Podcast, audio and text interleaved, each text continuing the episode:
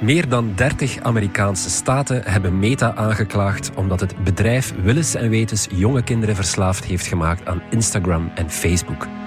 Komt Meta in nauwe schoentjes? Verder hebben we het over warmtepompen die geen pomp meer nodig hebben. Over de nieuwe AI-technologie van OpenAI die misschien wel een rol speelde in het circus van vorige week. En over de naakte Venusschelp. Het is vrijdag 1 december. Ik ben Yves de Lepeleire. En van De Standaard is dit Bits en Atomen.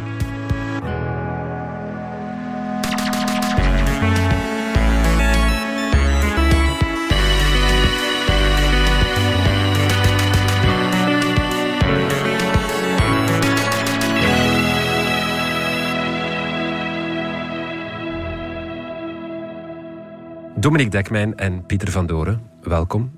Dominique, we gaan met jou beginnen. We gaan het straks nog hebben over OpenAI, uiteraard. Want na wat er daar vorige week allemaal is gebeurd, staan er nog veel vragen open. Maar dat houden we voor straks. Zo stout zijn we wel.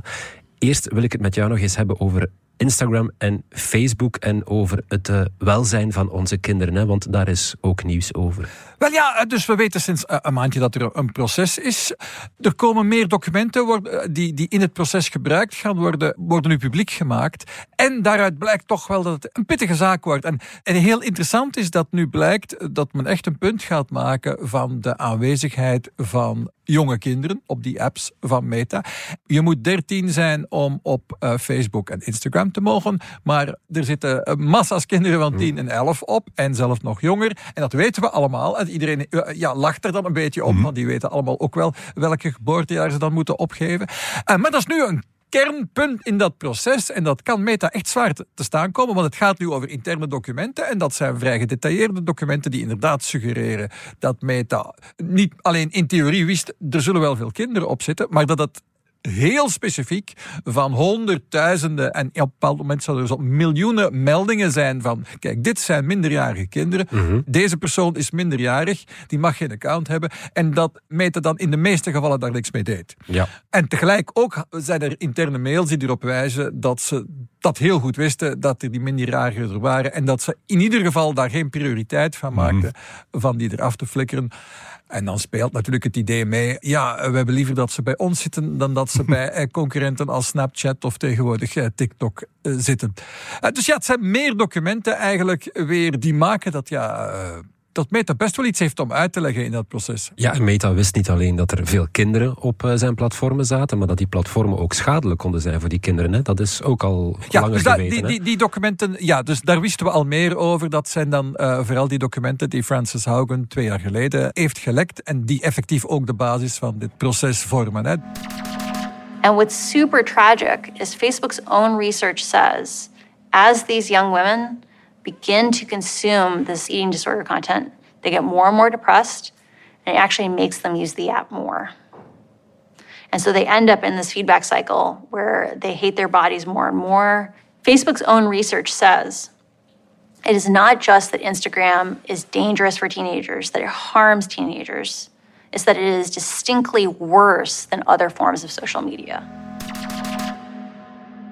Dus in welke mate had eigen onderzoek uh, binnen Meta aangeduid dat ja, bepaalde groepen dan van kwetsbare, uh, vooral uh, jonge meisjes, in hoeverre die dan misschien al een, negatief zelfbeeld hadden, in hoeverre dat die schade ondervonden, psychische schade ondervonden van wat ze op Instagram te zien krijgen. Je merkt ook dat in Europa nu, zeker in Engeland trouwens, dat nu niet meer in de EU zit natuurlijk, maar zeker in Engeland is men nu heel erg aan het kijken naar hoe kunnen we vooral de jongste groep uh, mensen beschermen op het internet. Dit is jullie probleem, Meta, mm -hmm. dit is jullie probleem en jullie wisten ervan en jullie hebben niks gedaan. En dan heeft Meta nog heel snel gezegd van ja, we hebben een plan. En de oplossing is te zorgen dat ze die apps helemaal niet kunnen downloaden. Uh, want dan is het probleem voor Google en Apple en niet voor ons, zegt Meta. En het klopt ergens wel, mm -hmm. uh, maar dat wordt nu wel een beetje gezegd van ja, ja, Meta, dat is nu een beetje gemakkelijk. De andere richting waar Meta de verantwoordelijkheid naartoe wil schuiven is de ouders. Ze zegt van kijk, we hebben allerlei instrumenten gemaakt. Dat is ook maar nog pas de laatste jaren, hoor, om de accounts van hun kinderen te controleren. Ja, en, en dat mogen zij zeggen van enerzijds Apple en Google moeten dat oplossen en de ouders moeten dat oplossen. voor, het is niet ons probleem. maar ja, dan blijkt dat er toch heel wat interne documenten waren waar het tenminste bleek dat ze weet hadden van die kinderen. Dat ze er een beetje op rekenen van als wij ze maar hebben als ze jong zijn, dan zijn ze niet kwijt aan andere platforms. Ze waren daar toch wel mee bezig. En ja, dat wordt afwachten precies wat daar precies op tafel komt. Want in ieder geval zijn er, laten we zeggen, ze hebben best wel wat gevonden in de mhm. e-mails van Meta. Kunnen ze daar echt kwaad opzet uit afleiden? Ja, dat valt allemaal te bekijken. Maar ja, want wat staat er voor Meta op het spel eh, in dit proces? Hoe zwaar kunnen de gevolgen zijn voor dat bedrijf? Kan je dat inschatten?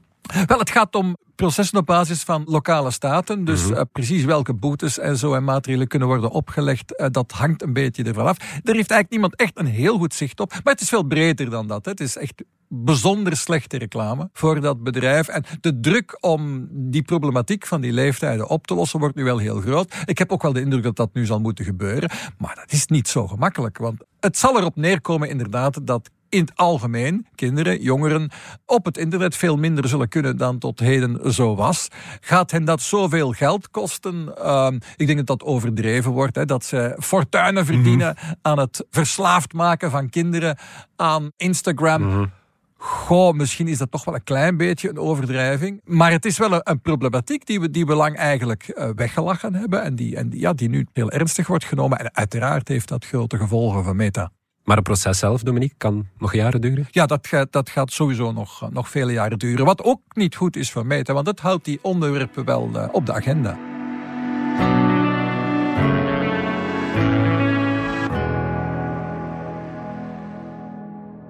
Pieter, over naar jou. Jij wilt het hebben over warmtepompen in tijden mhm. van energierenovatie is dat iets wat veel mensen interesseert, denk ik. Ik ken er zelf niet zoveel van. Ik heb geen warmtepomp. Het enige wat ik weet is dat zo'n warmtepomp warmte haalt uit de lucht mhm. of de bodem. Heel duur is. En dat het ook best wel veel lawaai kan maken. Ah ja. Zo'n warmtepomp is een, ja, je zou het kunnen een uh, binnenste buiten koelkast uh, noemen.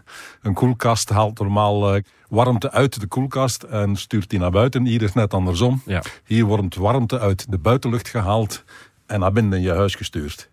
Met eigenlijk dezelfde technieken als een koelkast. Ja. Dat betekent dat daar een uh, gas regelmatig uh, in gasvorm omgezet wordt, weer samengeperst wordt tot vloeistof, weer in gasvorm omgezet. Daar heb je een compressor voor nodig. Die moet daarvoor mhm. zorgen dat inderdaad dat je warmte heen en weer kunt uh, transporteren. Is duur inderdaad, is lawaaierig. Zo'n compressor pakt ook een serieus volume in. Het is mhm. niet toevallig dat die allemaal buiten tegen de gevel hangen en niet binnen in huis staan. Maar er is een dus- oplossing voor. Uh, wel, er zijn mensen die beweren dat ze in elk geval een oplossing hebben. En dat heet dan uh, een elektrocalorische warmtepomp. En dat is eentje zonder compressor. Mm Ook uh, zonder de koelvloeistoffen die we vandaag in dat soort installaties gebruiken. En die nogal eens slecht zijn voor het ozongat en voor het milieu in het algemeen. Wat ze doen is, ze nemen een stof die magnetisch is, ferromagnetisch om het dan helemaal technisch te zeggen, zoals ijzer. En ze zetten daar een elektrisch veld op. En die atomen die in dat materiaal zitten, zijn allemaal hele kleine magneetjes. En zodra je daar een veld op zet, gaan die zich allemaal richten naar de lijnen van het veld. Die moeten bewegen. Uh, dat kost gevring en gevrijf en tegengewerking en dat produceert warmte. En je kunt daarmee een ruimte 20 graden extra geven. Ja. Dus dat is toch al de moeite. Hè? Ja. En het leuke is, als je de stroom weer afzet, dan gebeurt net het tegenovergestelde. Al die magneetjes gaan zich weer in willekeurige richting eh, installeren en het zaakje koelt af. Dus je mhm. kunt het zowel als warmtepomp als, als in de zomer als airco gebruiken. Oh ja. Materiaal dat ze gebruiken is een uh, mengeling van uh, metalen, lood, scandium en tantalium. Niet meteen de meest evidente. Maar goed, uh, als je die allemaal samenbrengt en je maakt laagjes een soort velletjesstapel, een, eh, een, condensator zou je kunnen zeggen, van dat materiaal. Zet daar een elektrisch veld op, hup, die dingen gaan allemaal warm worden. En al wat je dan nog moet doen is er iets doorheen laten spoelen dat de warmte afvoert. In, mhm. Hier in de praktijk gebruiken ze siliconenolie. Dat is veel beter voor het milieu dan die stoffen die je in klassieke pompen moet gebruiken. En dan ben je er eigenlijk. Dan laten ze dan nog een beetje thermodynamica oplossen. En dan eh, berekenen ze, we kunnen dat ding tot 67% efficiënt eh, laten zijn. Thermodynamisch gezien. En dat is, Is ja, dat bijna? Is dat veel of dat is bijna het dubbele van eh, de klassieke Ah ja, eh, toch? warmtepomp. Dat, is, eh, dat is dus toch wel de moeite.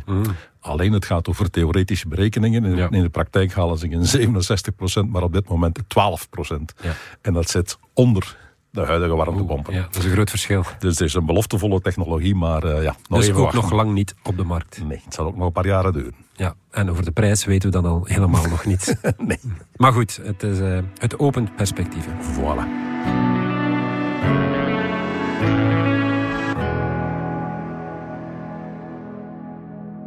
Dominique, dan gaan we het uiteraard nog eens hebben over OpenAI. De trouwe luisteraars van Bits en Atomen die hoeven we niet meer uit te leggen wat er vorige week bij OpenAI allemaal is gebeurd, denk ik. Sam Altman, die dan toch terugkeerde als CEO. Sam Altman zei toen, voor zijn ontslag, dat hij heel dicht bij een doorbraak stond. like four times now in the history of OpenAI. The, the most recent time was just in the last couple of weeks. I've gotten to be in the room um, when we sort of like push the front, the sort of the veil of ignorance back and the frontier of discovery forward. And getting to do that is like the professional honor of a lifetime. So Yeah. that's just, it's so fun to get to work on that. We hebben nooit echt geweten wat hij daarmee bedoelde, tot vandaag, mag ik dat zeggen? Eh, het is te zeggen, de, de voorbije dagen zijn een paar dingen gezegd. En of ze helemaal precies kloppen, eh, d- er zijn verschillende versies die de ronde doen. Er zou een niet onbelangrijke technologische doorbraak zijn gebeurd bij OpenAI. En die zou tenminste sommige mensen op het gedacht hebben gebracht van die technologie wordt zo slim. hè? Misschien eh, staan we wel op het punt van aan superintelligentie toe te zijn. Een AI-systeem dat slimmer is dan ons. En in dat geval weten we eigenlijk niet goed hoe we dat op een veilige manier kunnen beheren. Dus het wordt te gevaarlijk, we moeten op de rem trappen. En dat zou eh, misschien eh, een factor zijn geweest in de beslissing van de Raad van Bestuur van OpenAI om snel, snel op staande voet eigenlijk Sam Altman, de baas van het bedrijf, eh, buiten te zetten. Ja. Waarna dus het hele personeel en ook alle aandeelhouders in opstand kwamen en geëist hebben dat Sam Altman terug mocht komen. Eh, maar dat is dus niet gezegd, hè, dus dat die technologie en dat project heette Q-Star, blijkbaar. Dus dat die Q-Star, dat dat een belangrijk deel zou zijn van de reden dat men nu vond het is genoeg geweest. Wat wij wel weten is dat er een strubbeling is tussen de commerciële kant van OpenAI en de oorspronkelijke non-profit kant die denkt van we moeten vooral veilig omspringen met die technologie in het belang van de mensheid. En wat zou die doorbraak dan zijn in die Wel, Q-star? het lijkt te zijn dat het gaat over eh, wiskunde. Het gaat over wiskunde. Dat is wel verrassend. Het zou gaan om een manier om die taalmodellen, die eigenlijk onderhevig zijn, want die, wat onder ChatGPT zit, is een taalmodel. Hè, dat leest heel veel taal en produceert eh, de volgende woorden in een zin. Rekenen is nog iets heel anders. Wat die dingen eigenlijk vooral doen, is eigenlijk herkauwen. Iets herhalen dat ze ergens gelezen hebben in die miljarden en miljarden pagina's die ze hebben gelezen.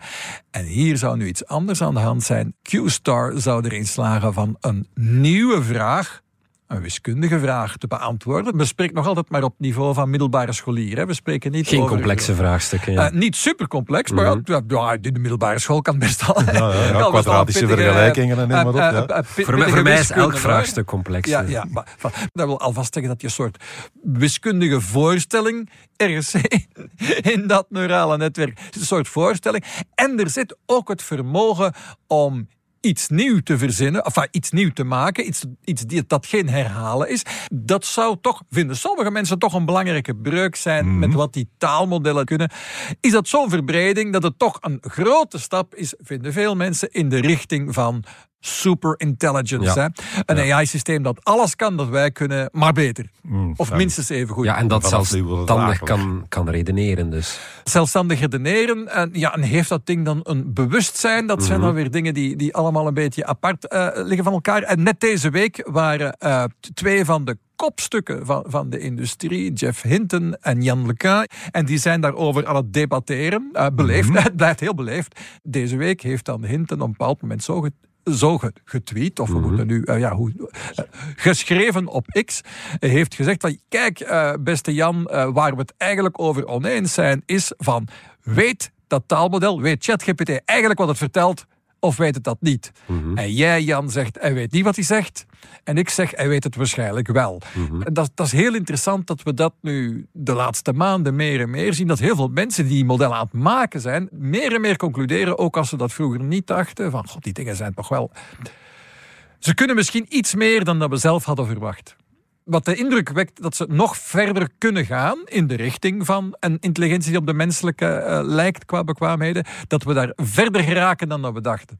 Maar Q-Star, niemand heeft dat al aan het werk gezien, dus we weten niet wat het kan. Het is natuurlijk ook weer OpenAI. Oké, dit zijn anonieme mensen van OpenAI die iets aan de pers overbrieven, maar die mensen hebben wel de neiging van zichzelf een beetje, ten eerste, ja, te dramatiseren, mhm, daar zijn ze wel goed in, en een beetje hype creëren ook. hè. Toen Altman erover sprak, dacht ik, hij is weer aan het hypen. Uh, en er zijn ook andere wetenschappers. En exact diezelfde Jan zegt van als ik het zo hoor, goh ja, dat klinkt wel interessant, maar dat is iets waar alle AI-labs nu op aan het werken zijn. En nee, dat heeft niks met AGI of superintelligentie te maken. En een domme vraag misschien, Dominique, maar wat is ook het verschil eigenlijk met een schaakcomputer die nu ook al de beste schaker ter wereld kan verslaan? Dat is toch ook op basis van wiskunde? Ja, wel een heel interessante vraag. En effectief, op het moment dat, dat mensen tot de conclusie kwamen dat een schaakcomputer de beste schakers kon verslaan, begonnen veel mensen ook bang mhm. te worden. Maar dat is intussen decennia geleden. Maar wat bleek, de computer had eigenlijk iets helemaal anders gedaan, namelijk alle wiskundige mogelijkheden uitgerekend en daar de beste uitgehaald. Dus die had eigenlijk iets heel anders gedaan wat de mens deed. Hier spreken we erover dat men alvast de indruk heeft, maar iedereen mhm. moet het nog natuurlijk uh, van buitenuit kunnen bekijken, dat hier sprake was dat die wiskundevraagstukken opgelost worden een beetje zoals wij het zelf doen. Mhm. En dat daar bij geredeneerd wordt. Hè. We hebben het hier over taalmodellen. En taalmodellen zouden nu iets anders doen, namelijk dat in de richting gaat van wat wij ja, redeneren zouden noemen. Ja, ja. Maar goed, nog afwachten dus of we ooit nog iets van Q-Star zullen horen.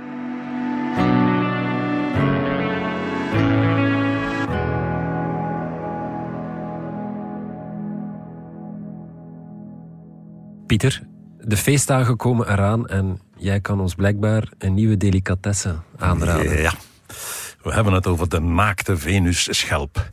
En een Venusschelp is een uh, groep binnen de schelpdieren, binnen de twee kleppigen heet dat dan in het Nederlands. Schelpdieren met twee schelpen en een scharnier ertussen, zoals uh, oesters uh, mm hebben, zoals mosselen hebben. Er zijn ook schelpdieren die maar één schelp hebben. slakken hebben ook maar één schelp. Mhm. Dit gaat over twee kleppigen. En ja, een paar daarvan zijn delicatessen. De oesters, eh, de mosselen, die kennen we. Alleen om die te kweken, dat is niet zo evident. Je hebt daar heel veel proper water voor nodig. En uh, echt schoon water wordt uh, zeldzamer op deze mhm. planeet. Het is duur, het is arbeidsintensief. En het brengt ook weer niet zoveel geld op. Bovendien, hoe meer van dat soort dingen we eten en hoe minder vlees we eten, hoe beter het zou zijn voor de planeet. Mhm. Dus als er naast mosselen en oesters nog iets bij komt, zou dat wel leuk kunnen zijn. Nu zijn er uh, mensen van de Universiteit van Cambridge en die zijn eens gaan rondkijken bij de, de groep van uh, Venusschelpen en aanverwanten. En die hebben daar gevonden Teredo navalis. Zijn de paalworm, ook wel de scheepsworm. Dat is al een minder flatterende naam. Dat is al een heel veel minder flatterende naam. En ze hebben meteen gezegd, als we dit op de markt willen brengen, dan kan niet onder die naam.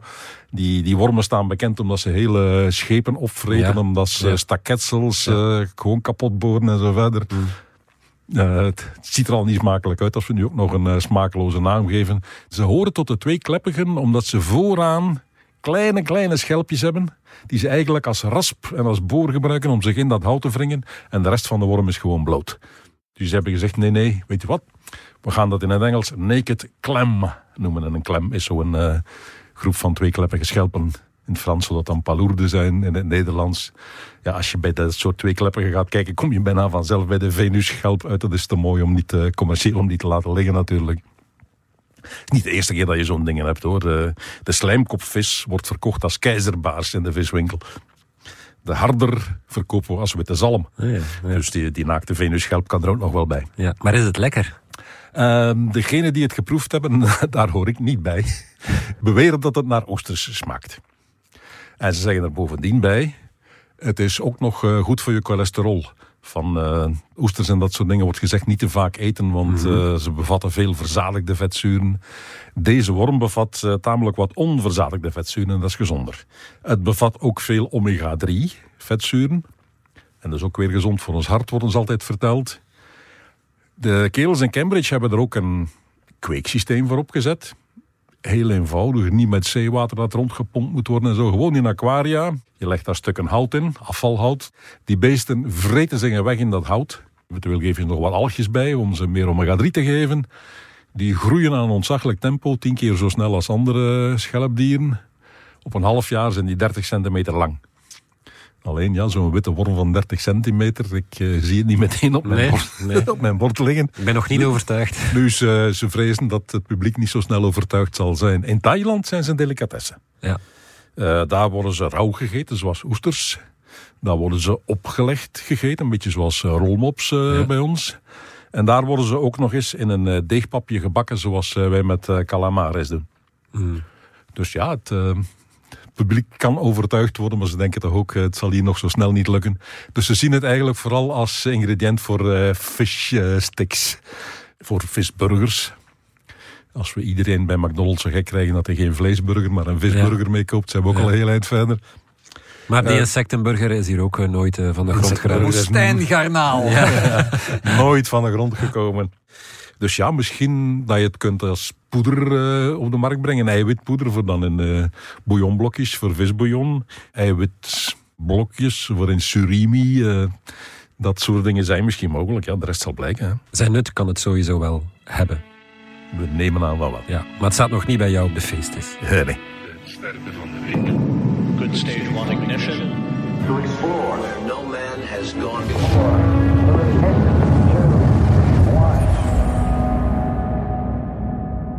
Pieter, eh, als afsluiter, de sterren van de week. Eindelijk, want ik word er altijd opgewonden van. Eindelijk is er nog eens een asteroïde op weg naar de aarde. Ja. Asteroïde is eigenlijk vertaald Engels. Eigenlijk moeten we planetoïde zeggen, maar goed, eh, daar gaan we ons niet moe over maken. Bekeert u, want op 5 oktober volgend jaar is het gedaan. Oh, beweren sommige media alvast. Eh, gelukkig horen wij niet tot sommige media. Dus we gaan dat even wat eh, cijfertjes onderleggen. En er is op 5 oktober volgend jaar een kans van 0,0000009 procent. Dat is 1 op 11,5 miljoen kans dat we inderdaad eh, door een kei geraakt worden. maar dat is veel. Dat is heel weinig. Bij de NASA zeggen ze al, jongens, eh, vergeet het. eh, wekelijks eh, schiet er hier wel iets langs. Trouwens, eh, de NASA volgt op dit moment 32.000 van dat soort eh, planetoïden. Die in de buurt van de aarde ooit wel eens komen. En met in de buurt bedoelen ze dan eh, binnen de 50 miljoen kilometer. Dat is 150 keer de afstand van hier tot de maan. Alles wat daar binnen valt noemen zij dichtbij. Eh, deze heet eh, 2007 FT3. Is in 2007 heel eventjes eh, zichtbaar geweest. Ze hebben hem een dag en twee uur kunnen volgen en toen eh, zagen ze hem niet meer. Op basis daarvan hebben ze voorspeld dat hij in 2013 zou terugkomen. Dat is niet gebeurd. Ze hebben hem zelfs toen zelfs niet gezien. 2019 niet gezien. 2024 deze keer zien we hem terug. Ah ja. Dus hij is eh, zichtbaar en we kunnen nu iets nauwkeuriger de baan berekenen. Maar dan kom je dus op een kans van ja, op 1 op 11,5 miljoen. Die kansen zijn zo klein dat je... Daar moet je echt niet van wakker liggen. Ja, maar het het is wel al gebeurd. In het het verleden, is ook al het recente verleden. Het kan wel gebeuren. kan gebeuren. Vraag maar aan de dinosaurussen. Die hebben 66 miljoen jaar geleden zo'n ding op hun kop gekregen. Nu, die kei die de dino's eh, en de rest van de- het leven zo ongeveer uitgeroeid heeft, die was tussen de 10 en de 15 kilometer eh, groot. Ja. De kei waar we het hier over hebben is een ehm, 300 meter groot. Dus zelfs als die ooit zou raken, zou het eh, geen eh, totale vernietiging zijn. Welke maar je schade kan die berokkenen? maar zeg op eh, dat je op Europese schaal toch wel serieus stukken en brokken hebt. Mhm. En het gebeurt eigenlijk vaker dan we denken. Mhm. Maar ja, de aarde is 70% water en dan nog een heel stuk onbewoond gebied. Dus statistisch gezien, zelfs als het raak is, betekent dat nog niet dat je ook mensen raakt. Maar in 2013 bijvoorbeeld is er een kei boven uh, Tjeljabinsk, een eh, stad in Rusland, ontploft. Eentje van 20 meter, niet veel. Maar er waren wel duizend gewonden in die stad. Ja.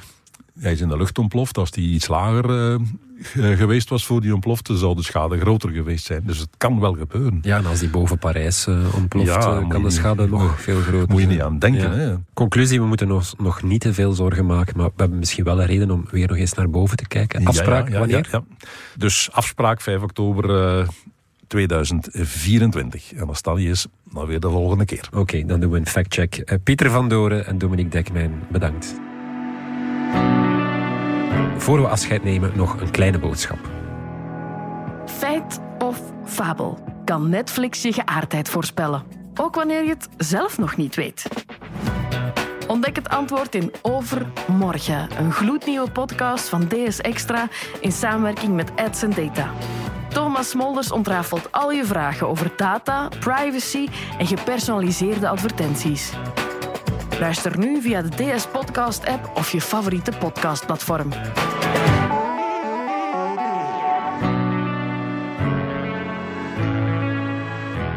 Dit was Bits en Atomen. Bedankt voor het luisteren. Volg ons op Spotify, Apple Podcasts of eender welk ander podcastplatform.